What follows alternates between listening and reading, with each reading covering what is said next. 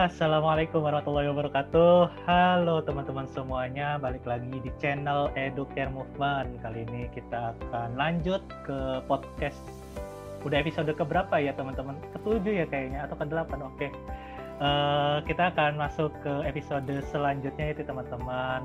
Kita akan hadirkan pemateri kita yang expert banget nih teman-teman di bidang bagaimana sih tips and triknya uh, lolos ke SNMPTN atau SBMPTN dan uh, beliau ini tahu banyak informasi tentang bagaimana pendaftarannya dan juga informasi tanggal-tanggalnya yang mungkin ya waktu-waktunya terkait bagaimana proses pendaftaran SNMPTN, SBMPTN ataupun ujian-ujian lolos ke kuliah seperti itu. Bagaimana teman-teman? Are you ready? Oke, kita langsung saja ke pemateri kita, narasumber kita yang super kece. Oh, kita sambut dengan salam ya teman-teman. Assalamualaikum. Teh Dede ya. Waalaikumsalam. Halo teman-teman yang tidak tahu di mana. ya, ya. Oke, gimana kabarnya Teh Dede? Alhamdulillah baik, sehat. Alhamdulillah sehat, masya Allah. Oke, TDD ini TDD alumni dari kalau nggak salah ya UGM ya kalau nggak salah ya. Kalau nggak salah iya juga sih. Udah eh, lama ya. banget itu soalnya. Lulus tahun berapa TDD? Ada jangan ditanya. Oh, jangan ditanya. Oke, itu udah lama ya katanya. Oke, ya. Udah lama. Udah ya. lama. Jurusan apa Teh kalau waktu itu? Jurusan mikrobiologi pertanian ya. Dulu tuh hmm. masih jurusan baru sih. Baru dulu baru empat tahun berjalan dulu tuh. Hmm. Jadi masuk jurusan itu. Hmm, mungkin sedikit aja teh kalau mis nanti kita akan masuk ke uh, apa ya pembahasan yang lebih inti lagi. Uh, mungkin bisa ceritakan uh, sederhana saja apa sih jurusan tersebut? Mungkin teman-teman mau tahu nih. Ya mikrobiologi pertanian ya. Hmm. Oke. Okay. Uh, jadi merasa sebenarnya nggak expert sih di mikrobiologi cuman ya uh, buat teman-teman yang pengen tahu tentang mikrobiologi uh, harusnya anak-anak saintek uh, udah nggak asing lagi ya dengan kata mikrobiologi. Mikrobiologi itu kan dari kata mikro gitu ya dan uh, ada biologinya gitu. Jadi makhluk hidup yang emang benar-benar kecil. Jadi kalau misalnya uh, disatuin mikrobiologi itu kayak ilmu yang pelajari tentang mikroorganisme gitu. Jadi nanti banyak neliti tentang bakteri, virus, jamur gitu ya, dan eh, makhluk-makhluk lain yang nggak bisa kita lihat gitu. Dan terkait dengan eh, fakultasnya, kita di bawah di, di bawah Fakultas Pertanian yang eh, kenapa sih kok di bawah Fakultas Pertanian gitu ya? Kenapa nggak di biologi? Eh, karena emang fokusnya di bidang pertanian gitu. Jadi mikrobiologi ini lebih banyak kayak ngebahas eh, mikroorganisme mikroorganisme yang terkait dengan tanaman gitu ya tentang bahan-bahan pangan gitu ataupun tanaman-tanaman lain gitu ya selain bahan pangan gitu.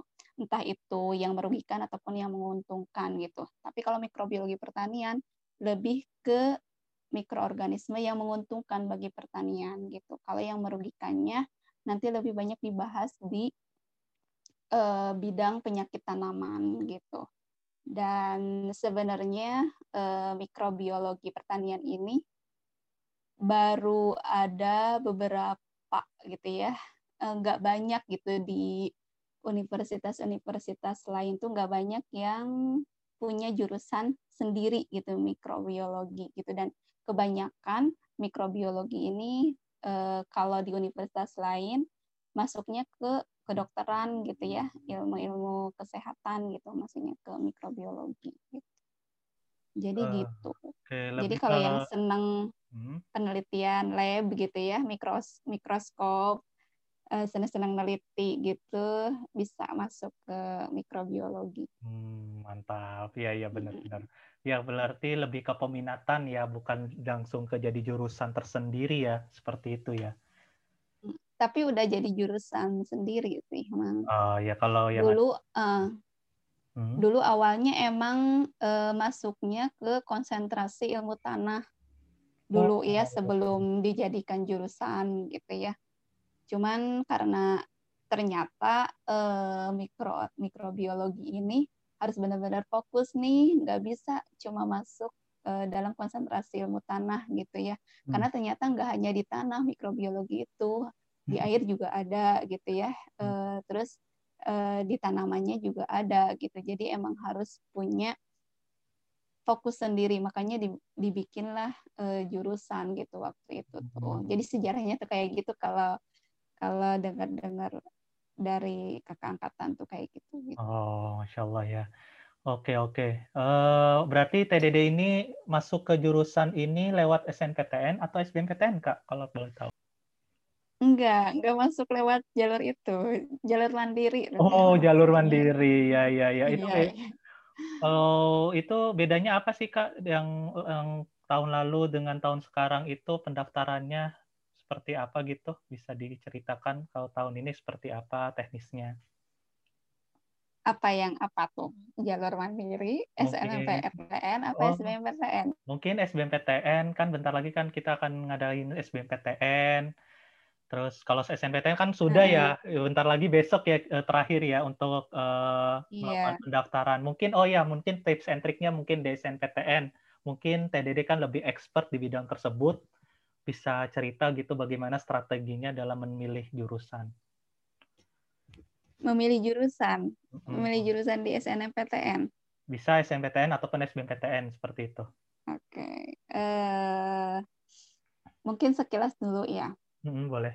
SNMPTN itu apa, SBMPTN itu apa, jalur mandiri itu apa. Boleh, gitu boleh, ya. boleh, boleh, boleh.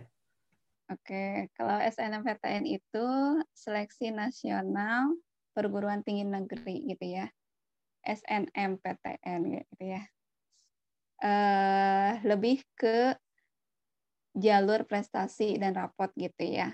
Dan seleksinya itu seleksi undangan melalui sekolah gitu kalau SNMPTN. Jadi emang tidak semua siswa bisa uh, mengikuti jalur SNMPTN gitu. Jadi hanya siswa-siswa yang emang berhak dari sekolah berprestasi gitu ya, mendapat ranking dan emang uh, diprioritaskan oleh sekolah buat mengikuti SNMPTN gitu ya. Uh, kalau istilahnya siswa-siswa yang emang ranking punya ranking secara paralel gitu ya dan memasuk uh, masuk kuota gitu ya masuk kuota sekolah itu baru bisa ikut SNPTN gitu tapi kalau misalkan SBMPTN itu adalah seleksi nasional yang emang benar-benar kita mengikuti tes gitu tes secara serentak kayak gitu jadi siapa pun bisa ikut kalau SBMPTN cuman emang harus mengikuti aturan-aturan dari LTMPT yang memfasilitasi seleksi SNPTN dan SBMPTN itu gitu. Hmm. Nah, kalau jalur mandiri, jalur mandiri itu adalah jalur yang emang eh, disediakan langsung oleh universitasnya gitu. Jadi nggak nggak lagi lewat LTMPT gitu ya sebagai lembaga yang fasilitasi seleksi masuk, tapi eh, disediakan secara mandiri oleh universitas gitu. Hmm. Jadi nanti info-infonya langsung dari universitas kalau jalur mandiri kayak gitu. Oh, berarti kayak gitu sih. Berarti info-infonya Dan, yang ada di jalur mandiri itu harus ini ya, kita harus terlalu update sendiri ya. harus update di, ke universitasnya gitu.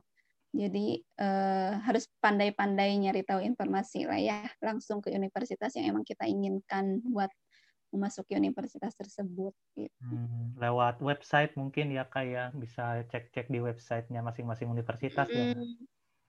Iya. Kalau misalkan nggak di website juga sekarang tuh udah banyak ya official official di Instagram gitu ya.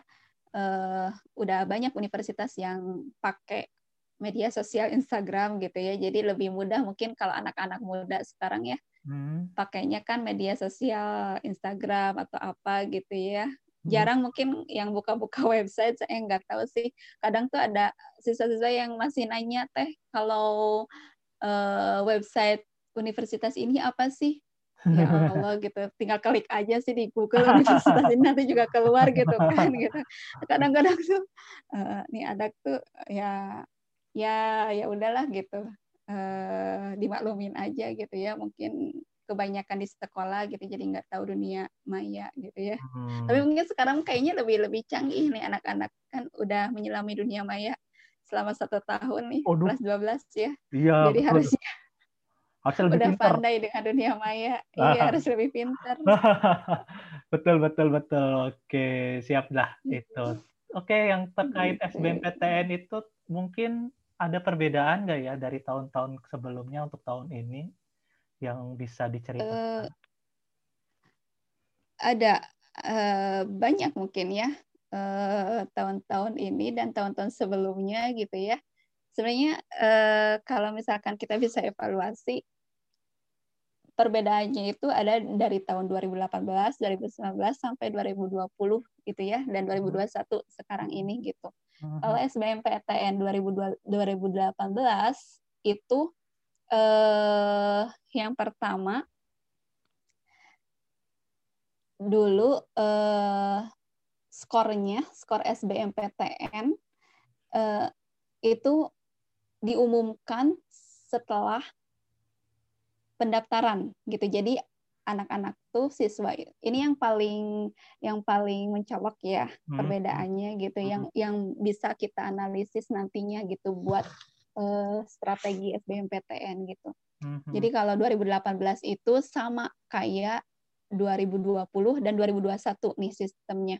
Jadi skor SBMPTN baru bisa kita lihat setelah pendaftarannya. Gitu. Jadi uh, kita nggak bisa nih uh, tahu skor dulu terus baru ngebandingin skor aku tuh bisa dimasukin ke jurusan apa ya dengan nilai segini gitu ya. Hmm. Kalau nah kalau tahun tahun 2018, 2020, 2021 itu masih kayak menerka-nerka gitu ya. Kayak masih dengan masih ekspektasi sendiri gitu ya buat pengen masuk jurusan ini tanpa tahu skornya gitu ya. Hmm. Jadi masih uh, kayak gitulah. Terus kalau yang 2000 2019. Nah, kalau dari 2019 itu skornya itu diumumin dulu baru dapat eh, baru bisa daftar SBMPTN. Jadi setelah tahu skornya baru deh milih jurusan gitu ya. Kan itu lebih enak ya. Kita udah tahu modal kita, modalnya pengen eh, di pengen dibeliin apa nih gitu ya. Jadi kan kita tahu gitu ya. Hmm. Ini seharga ke mana nih gitu ya. Hmm. Itu 2019 gitu dan itu tuh lumayan uh, ngebantu banget sih. Cuman uh, jatuhnya ya karena udah tahu modal awal ya ya udah gitu. Nggak bisa uh, unjuk usaha lagi gitu kan. Yeah. jadinya ya sesuai aja gitu uh, nilai yang udah didapat gitu. Uh, yeah, harus betul. ke mana gitu. Betul betul. Kayak gitu. Terus uh, kalau perbedaan lainnya itu 2018, 2020 sama 2021 sebenarnya sama-sama kita cuma bisa milih satu kali ya satu kali UTBK. Nah kalau 2019 itu bisa dua kali, jadi ada dua kali kesempatan gitu. Oh. Jadi ada dua kali nilai UTBK. Hmm. Terus uh, bisa nanti bisa dipilih gitu. Nanti LTP LTMPT itu bisa milih milih secara otomatis gitu ya nilai yang tertinggi buat uh, dimasukkan ke dalam pendaftaran SBMPTN. Jadi kalau dulu sistemnya itu pendaftaran UTBK dulu gitu ya. Hmm. Ini sampai 2020 kemarin nih, eh 2000 hmm. ya 2020 kemarin hmm. pendaftaran UTBK dulu, baru nanti pendaftaran SBMPTN, hmm. milih jurusan dan sebagainya kayak gitu.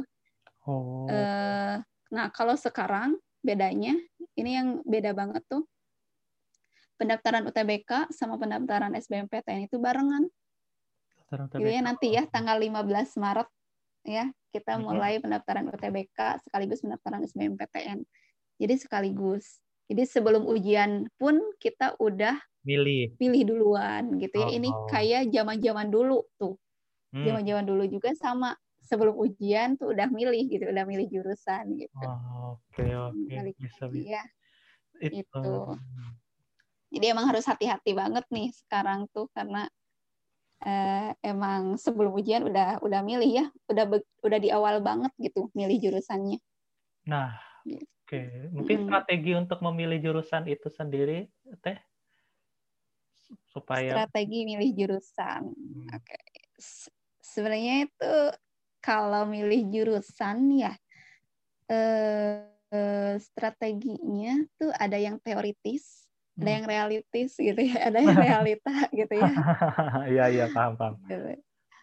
Ada. Kalau yang teoritis sih uh, udah banyak gitu ya disampaikan kayaknya uh, dari pemateri-pemateri lain ataupun banyak lah dari YouTube-YouTube gitu ya bahwa kita tuh kalau milih jurusan harus sesuai dengan minat dan bakat gitu ya.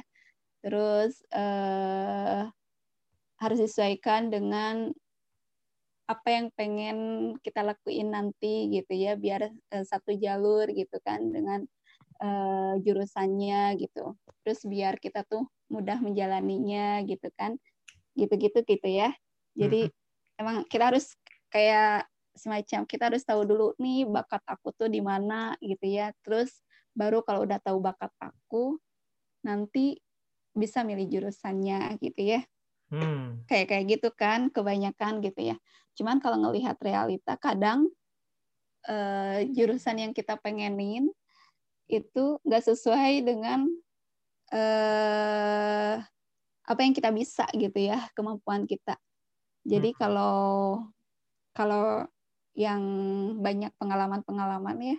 Pengalaman-pengalaman siswa gitu bukan pengalaman pribadi sih. Hmm. pengalaman siswa itu uh, emang terlalu mengikuti itu ya. Terlalu mengikuti kesukaan aku tuh di mana sih gitu ya. Terus uh, milih jurusannya yang itu gitu ya. Cuman yang perlu kita perhatikan itu harus realitanya kayak gimana gitu ya kamu jangan sampai kamu pengen dokter, kamu pengen jadi dokter gitu, pengen masuk jurusan kedokteran, tapi ternyata biologi kamu cuma dapat 6 gitu ya dibandingkan dengan kimia hmm. fisika gitu ya kayak hmm. gitulah hmm. pokoknya hmm. jadi jangan cuma sekedar ekspektasi yang terlalu tinggi dengan profesi ter profesi di jurusan tersebut sehingga kita uh, mengabaikan gitu ya uh, apa yang kita miliki gitu hmm. kayak gitu jadi satu kalau mau disaranin lihat dulu kemampuan gitu ya hmm. terus uh, kalau bisa sekarang kan kalau misalkan kelas 12 itu masa-masa berusaha gitu ya, berjuang gitu ya. Hmm. Terus pastinya eh suka ikutan-ikutan tryout gitu ya. Ikut-ikutan tryout dan kayaknya eh, dari nilai-nilai tryout itu bisa dijadikan sebagai acuan buat milih jurusan gitu. Kayak kalau misalkan sekarang kan uh, sama TKA ya, jadi kelihatan setiap bidang studi yang kita menonjol itu di mana aja gitu ya. Hmm. Terus nanti bisa dipakai buat acuan buat milih jurusan kira-kira yang sesuai dengan uh, nilai tryoutnya yang paling tinggi itu yang mana. Terus hmm. nanti kalau misalkan tingginya misalnya di biologi ini biologi itu kan nanti bisa uh, masuk kedokteran, bisa masuk kesehatan gitu ya, uh, atau bisa masuk jurusan MIPA biologi gitu ya, ataupun bisa juga masuk ke bidang pertanian, perikanan ataupun kehutanan gitu ya, itu masuk juga biologi karena hmm. biologi itu macam kan aneka Hmm. Nanti kita lihat aja gitu. Nah, di sana mungkin kita baru masukin kayak kesukaan, misalkan biologinya tinggi, terus hmm. kesukaannya itu lebih ke misalnya uh, lebih kayak ngamatin fisiologi tubuh nih gitu ya. Atau saya lebih senangnya ngamatin tentang eh, kayak analisa-analisa kimianya gitu ya tentang jalur transport eh, senyawa-senyawa di dalam tubuh gitu ya. Nah itu mungkin itu bisa jadi konsentrasi kita lebih fokusnya ke mana gitu ya bisa kita ngelihatnya gitu. Maaf ya ini yang dibahas biologi karena ah, gak apa -apa, emang apa -apa. fokusnya biologi gitu ya jadi lebih tahunya tentang biologi. Oh, gitu. Uh, ya siap siap siap. Hmm, jadi nah dari sana mungkin bisa uh, kita nganalisis sendiri gitu ya. Oh jurusan aku tuh uh, lebih cocok ke sini nih gitu ya. Melihat dari nilai tryout hmm. uh, yang tingginya di bidang apa, terus nanti konsentrasinya di mana, nanti bisa dikerucutin jadi jurusan gitu. Hmm. Terus? Uh, satu lagi, setelah kita milih jurusan, prioritasnya adalah jurusan ya, bukan universitas gitu ya, kalau yeah. bisa gitu ya ya oh. karena emang e, di mana pun kita berada nantinya di perkuliahan gitu ya yang jadi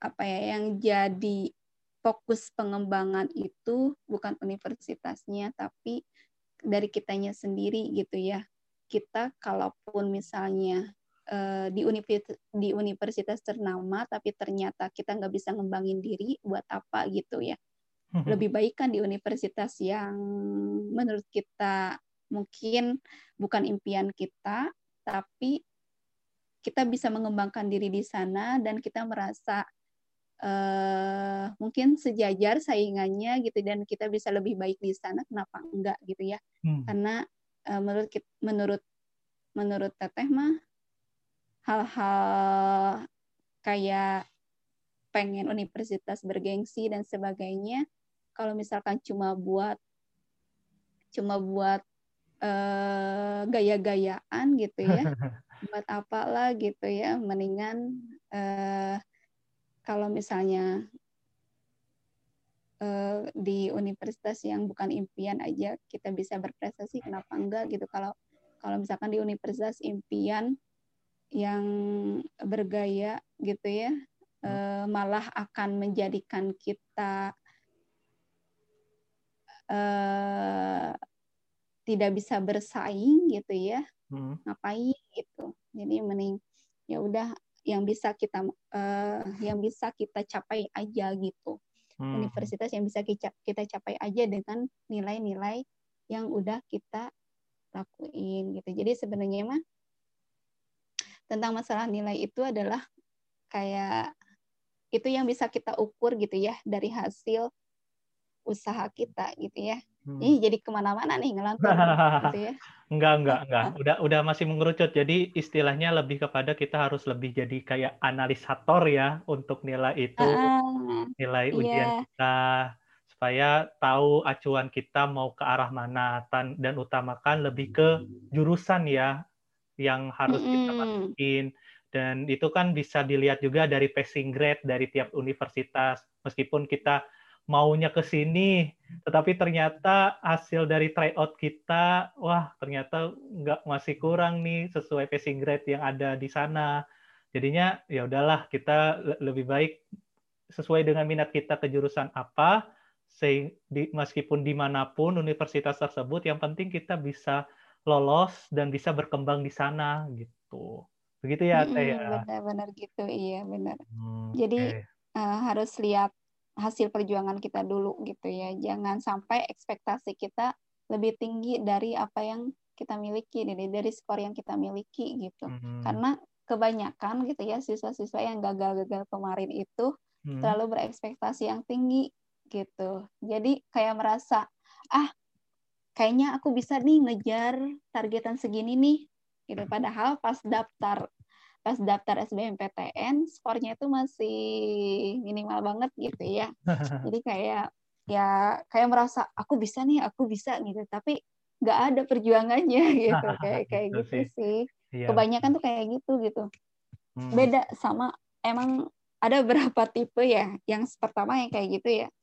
Yang kedua tuh ada tipe yang emang dia itu ngerasa teh kayaknya aku ke sini aja deh gitu kayaknya uh, skor nilai tryoutku cocoknya di sini gitu. Jadi dia emang udah sadar sendiri gitu dengan nilainya. Dan itu tuh emang benar-benar uh, berhasil gitu ya. Betul. jadi dia emang benar-benar berhasil bisa masuk gitu ketimbang sama orang yang kekeh. Pokoknya teteh pengen ke sini pokoknya nanti deh aku lakuin yang bisa aku lakuin gitu. Pokoknya buat ngejar target ini. Tapi ternyata kan eh, ngejar target susah gitu ya. Kalau cuman waktunya sebentar gitu. Jadi hmm. emang satu harus sadar diri dulu gitu ya ketika kita mau menganalisis nilai-nilai tryout gitu. Kayak gitu sih. Hmm, buat betul. milih jurusan tentunya gitu. Betul, kayak kayak gitu. Dan emang udah kebukti gitu ya. Udah terbukti dari beberapa siswa yang kemarin gitu ya dari tahun-tahun kemarin hmm. eh, kebanyakan yang emang sadar betul dengan nilai-nilai tryoutnya itu yang bisa lolos gitu. Masya kayak gitulah. Oke oke. Iya menarik sekali ya tentang pembahasan ini ya. Kayaknya butuh banget gitu untuk teman-teman semuanya yang ingin uh, lolos di SN, SBMPTN terutama dan ma bisa masuk ke universitas dan bisa melanjutkan pendidikan di bangku bangku kuliah seperti itu ya. Oke, mungkin uh, dari Teh Dede apalagi mungkin yang bisa diceritakan atau motivasi kepada adik-adik yang akan berjuang untuk tes SMPTN, SBMPTN ataupun tes yang lainnya di uh, universitas ataupun di politeknik mungkin bisa diceritakan atau bisa kasih motivasi begitu bi? Eh teh mm mungkin motivasinya apa ya? Uh, satu uh, ketika kita lagi berjuang ya sekarang ketika kita lagi berjuang uh, kita harus benar-benar istiqomah gitu ya berjuangnya. Jangan sampai uh, kita pengen sesuatu yang besar tapi perjuangannya biasa aja gitu mm-hmm. jangan uh, karena kita kan di sini sama-sama uh, bersaing sama orang lain ya hmm. dan orang lain yang kita tahu orang-orang yang sukses, orang-orang yang bisa masuk uh, impian, eh, bisa masuk universitas impian itu ternyata perjuangannya benar-benar keras gitu ya. Hmm. Uh, bisa jadi mereka gak tidur semalaman tiap hari gitu ya, atau yeah. bisa jadi dia tidurnya cuma satu atau dua jam.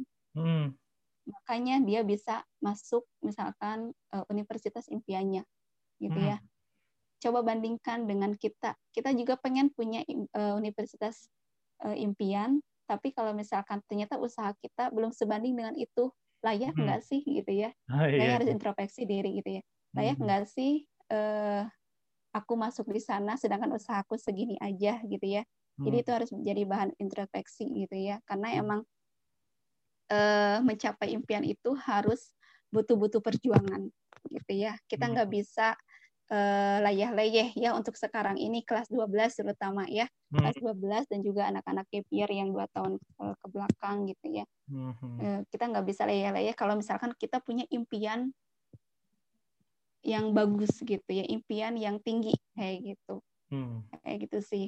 Terus uh, mm, Terus gimana sih caranya teh biar kan kadang eh, kadang anak-anak tuh biar dapat semangat yang kayak gitu tuh gimana sih teh kan mm-hmm. kadang suka kayak gitu ya anak-anak enggak usaha aku mah gini-gini aja teh misalkan kayak gitu banyak sih yang teteh lihat ya hmm. kayak punya impian besar banget tapi nggak bisa mengusaha mengusahakan uh, usaha yang maksimal gitu melewati batas kemampuannya gitulah ya istilahnya hmm. e, mungkin ada cara apa ya agak susah sih karena ini emang harus banyak merenungkan gitu ya merenungkan karena emang ketika kita pengen mengusahakan sesuatu gitu ya. Kita harus tahu kan uh, apa yang kita usahakan itu benar-benar yang emang kita pengen usahakan gitu. Jangan jangan cuma sekadar uh, teh aku pengen jadi ini tanpa nggak tahu kamu teh pengen jadi itu teh mau apa gitu ya. Maknanya tuh pengen ngapain gitu. Jadi emang hmm. harus benar-benar kamu uh, bikin goal kamu itu pengen masuk jurusan ini jurusan A jurusan B jurusan C itu ke mana gitu hmm. gitu mungkin bisa kalau misalkan uh, lapangan pekerjaan gitu ya yang emang benar-benar kamu impikan banget dan itu benar-benar uh, bermakna gitu ya yeah. atau mungkin ada goal lain yang emang lebih lebih bisa bermakna buat kamu misalkan kayak pengen ngebanggain orang tua nih gitu ya pengen ngebanggain orang tua dengan kuliah. Kayak gitu. Dan itu benar-benar mungkin akan jadi ngepus kamu gitu ya ketika kamu bisa kuliah di impian tertinggi gimana kita bisa ngebanggain orang tua gitu ya. Gimana kita bisa membuat bangga mereka dengan kita kuliah di impian eh, kampus impian gitu ya. Hmm. kayak kayak gitu jadi mungkin itu bisa jadi dorongan kita buat eh, memaksimalkan usaha kita melewati batas kemampuan kita gitu ya. Yang tadinya mungkin batas maksimal kita cuma bisa belajar empat jam dalam sehari mungkin karena kita uh, punya impian pengen ngebanggain orang tua gitu ya uh, pengen setidaknya ngasih sesuatu yang bisa membuat bangga orang tua dengan kuliah mungkin itu bisa ngepus kalian bisa belajar sampai eh, 6 jam per hari atau bisa mungkin lebih gitu kayak gitu. Hmm, okay, kayak kayak gitulah ya mungkin. Siap siap. karena emang uh, karena emang uh, butuh perjuangan gitu ya. Apalagi kalau misalkan uh, tujuannya gitu ya kayak misalkan pengen kedokteran UI misalkan gitu ya Masya Allah kedokteran UI gitu kan kedokteran UI kan gimana gitu ya hmm, hmm, hmm. hmm. kadang kalau kita nggak punya prestasi apa pun kan susah banget susah ya banget betul masuk ke sana gitu yang penting gitu ada sih. dorongan usaha uh, istilahnya niat dan juga mungkin ada suatu goal point ya, goal point kita mm -hmm. untuk sasaran hidup kita nanti ke depannya mau seperti apa. Nah, itu harus jelas juga ya seperti itu. Mm -hmm. Oke, okay. kayak gitu ya. Jadi ada apa ya? Ada kayak semacam eh uh, tambukan deh atau apa? uh, uh, apa ya? Uh, dorongan gitu ya. Apa kayak alasan gitu ya. Alasan dibalik kita berjuang itu. Gitu oh, ya. oke, okay. ya, siap, siap, siap. Jadi kayak, uh, Oke, oke, mungkin itu ya. gitu Iya, siap. Hmm. Oke, itu motivasi yang sangat bagus ya. Mungkin untuk teman-teman nanti akan berjuang di SM, SBMPTN dan juga nanti yang setelah ini nanti SNPTN mungkin bentar lagi akan ditutup dan juga nanti bentar lagi akan diumumkan hasilnya ya. Karena ya, SNPTN besok ya penutupannya ya. Penutupannya besok, benar sekali. Hmm. Oke, iya. mungkin untuk SBMPTN itu sendiri uh, satu lagi yang terakhir itu pendaftarannya kapan dan wak mungkin Teteh tahu waktu-waktunya tanggal berapa saja informasi penting ini? SBMPTN itu pendaftarannya nanti tanggal 15 Maret sampai hmm. 1 April ya. Hmm. hmm Terus uh, sekarang itu masih dalam masa-masa pendaftaran akun sampai oh. 12 Maret nanti gitu ya. Jadi okay. emang uh, waktunya tuh sangat-sangat sempit gitu ya. Hmm. 12 Maret penutupan pendaftaran akun, kemudian nanti 15 Maret udah harus daftar SBMPTN gitu sampai 1 April. Hmm. Jadi ada waktu dua minggu nah, uh, buat pendaftaran SBMPTN. Hmm. Kemudian nanti pelaksanaannya kan ada dua gelombang ya. Betul. Hmm. Dan kita cuma bisa uh, mengikuti satu kali, satu kali UTBK gitu ya. Oh. Di gelombang hmm, gelombang pertama itu nanti tanggal eh, 12 April hmm. sampai 18 April. Uh, 6 hari, 7 hari ya. Ya sekitar. -hmm. uh, terus? Terus yang gelombang 2 itu tanggal 26 April sampai 2 Juni. Eh, sampai 2 Mei. Oh, lumayan ya. Ya. Enggak sama-sama aja sih enam harian gitu. Oh enam harian ya, ya. Uh, enam enam hari tujuh hari gitu delapan hari ya 12 sampai delapan iya delapan hari delapan hari nah itu berarti dari dua gelombang itu berarti ada kemungkinan eh, berarti harus satu kali melakukan tes itu ya atau di gelombang satu mm -hmm. atau di gelombang dua itu tergantung dari pusatnya juga dan tergantung dari universitas dan jurusan yang akan kita tuju dan kita sudah daftarkan gitu ya enggak oh kalau tergantung universitas enggak mm-hmm. ini nanti tergantung waktu pendaftaran aja sih sebenarnya oh, kalau ngelihat oh. uh, ngelihat tahun kemarin mm-hmm. karena tahun kemarin juga sama satu kali pendaftaran mm-hmm. uh, cuma dapat satu kali UTBK tapi mm-hmm. ada dua gelombang mm. sama itu jadi emang sistemnya sama kayak tahun kemarin jadi kemungkinan ya karena emang tidak tidak dijelaskan secara rinci tentang mm-hmm. ini di LTP, LTMPT itu mm-hmm. kemungkinan kayak tahun kemarin jadi emang nanti disesuaikan dengan waktu daftarnya biasanya mm-hmm. yang daftar yang daftar daftarnya terakhir mm-hmm. itu bisa dapat gelombang dua yang oh. daftar daftarnya awal gelombang satu kayak hmm, gitu kayak kemarin kemarin juga sama kayak gitu sih hmm, oke oke okay. hmm. sip udah taruh emang satu kali daftarnya oke okay. terus kalau tempatnya itu tempat nanti pelaksanaan ujiannya itu tergantung dari apa itu teh kayaknya nanti ngabisin dulu kuota yang di Tasik ya hmm. di Unsil baru kemungkinan kalau misalkan di sini kuotanya penuh mungkin hmm. dialihkan ke Bandung mungkin yang yang terdekat gitu. Oh itu nanti gitu, tergantung dari alamat tinggal ke rumah kita ya berarti ya? Nanti oh. kemungkinan sih gitu sih. Hmm. Kalau kalau tahun kemarin belum uh, masih bisa memilih ya tahun tahun kemarin itu. Hmm. Kayaknya tahun sekarang juga uh, bisa milih gitu ya, tapi mungkin disesuaikan sama tempat tinggal yang terdekat gitu. Hmm, ya, dan kemungkinan juga kan itu mengantisipasi adanya penularan COVID-19 juga ya Teh ya. Hmm, karena pandemik juga ini betul, gitu ya.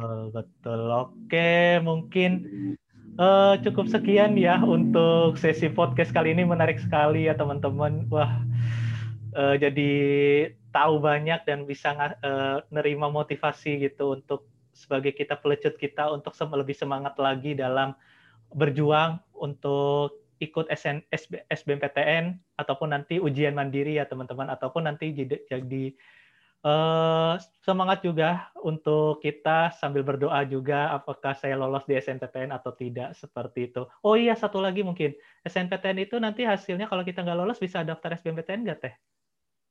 Bisa, kalau nggak lolos tuh bisa. Tapi kalau misalnya lolos itu nggak bisa mundurin oh, diri. Oh iya. Oh berarti hmm. ya. Oh gitu. Berarti ngundurin diri di SNPTN ya. Uh-uh, oh. Itu nggak bisa. Oh gitu. Jadi Tapi... harus diambil gitu. Oh harus diambil ya. Mau kalau... tidak mau harus diambil. Iya. kalau misalnya diundurin juga nanti takut kita blacklist juga ya. iya nanti di blacklist dan dan kayaknya tuh LTMPT emang menghindari hal tersebut ya. Proses uh, menghindari blacklist blacklistan kayak gitu. Jadi akhirnya mungkin uh, memutuskan buat yang SMPTN itu emang harus diambil gitu. Hmm. Kalau misalkan keterima, baru kalau misalkan nggak keterima, boleh ngikutin SBMPTN oh, gitu sih. Oke, siap. Hmm. Menarik sekali dia. Wah, mantap. Masya Allah. Hmm. Jadi kita tahu banyak dan juga kita bisa tahu lah strategi kita untuk dapat memilih jurusan dan juga kita dapat motivasi ya tentang uh, jangan terlalu istilahnya boleh sih kita berekspektasi, tetapi kita harus tahu kemampuan kita, kesadaran kita, dan hmm. makanya kenapa itu penting sekali kita ikutan tryout tryout yang diselenggarakan oleh universitas, oleh uh, lembaga-lembaga yang hmm, kayak gitu, lembaga-lembaga yang berkompeten di bidangnya seperti itu. Nah mungkin itu sih sebenarnya jadi tips. Harus Hmm, gimana teh? Harus memantaskan diri lah ya istilahnya. Betul, memantaskan diri. Uh-uh. Itu poin pentingnya. Itu sih paling ya. Paling hmm. satu lagi. Oke, okay, boleh. Boleh nggak satu lagi?